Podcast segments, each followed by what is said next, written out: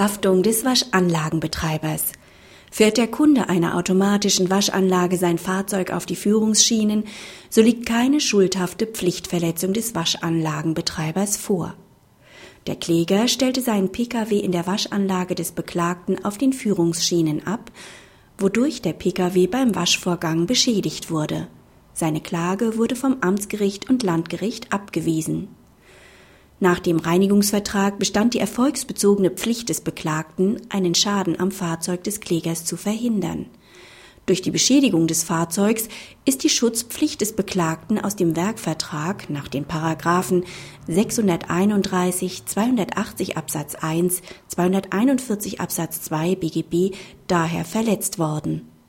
Der Beklagte hat sich aber nach Paragraph 280 Absatz 1 Satz 2 BGB entlastet, wobei an den Entlastungsbeweis keine zu hohen Anforderungen gestellt werden dürfen. Zwar muss der Betreiber einer Waschanlage auch mit unsachgemäßem Verhalten der Benutzer rechnen, sofern dieses nicht völlig ungewöhnlich ist. Vorliegend war das Verhalten des Klägers aber offensichtlich unsachgemäß. Er war mit dem linken Vorderreifen auf die Führungsschienen gefahren, so dass er schon aus der Schieflage des Fahrzeugs hätte bemerken müssen, dass eine derartige Fahrzeugposition schadensträchtig war.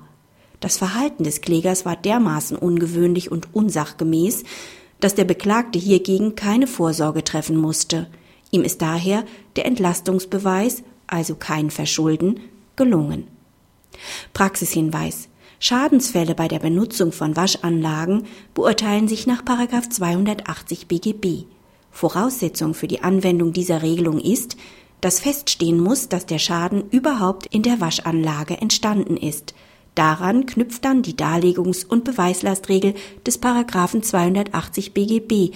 Der Waschanlagenbetreiber muss sich hinsichtlich eines Verschuldens entlasten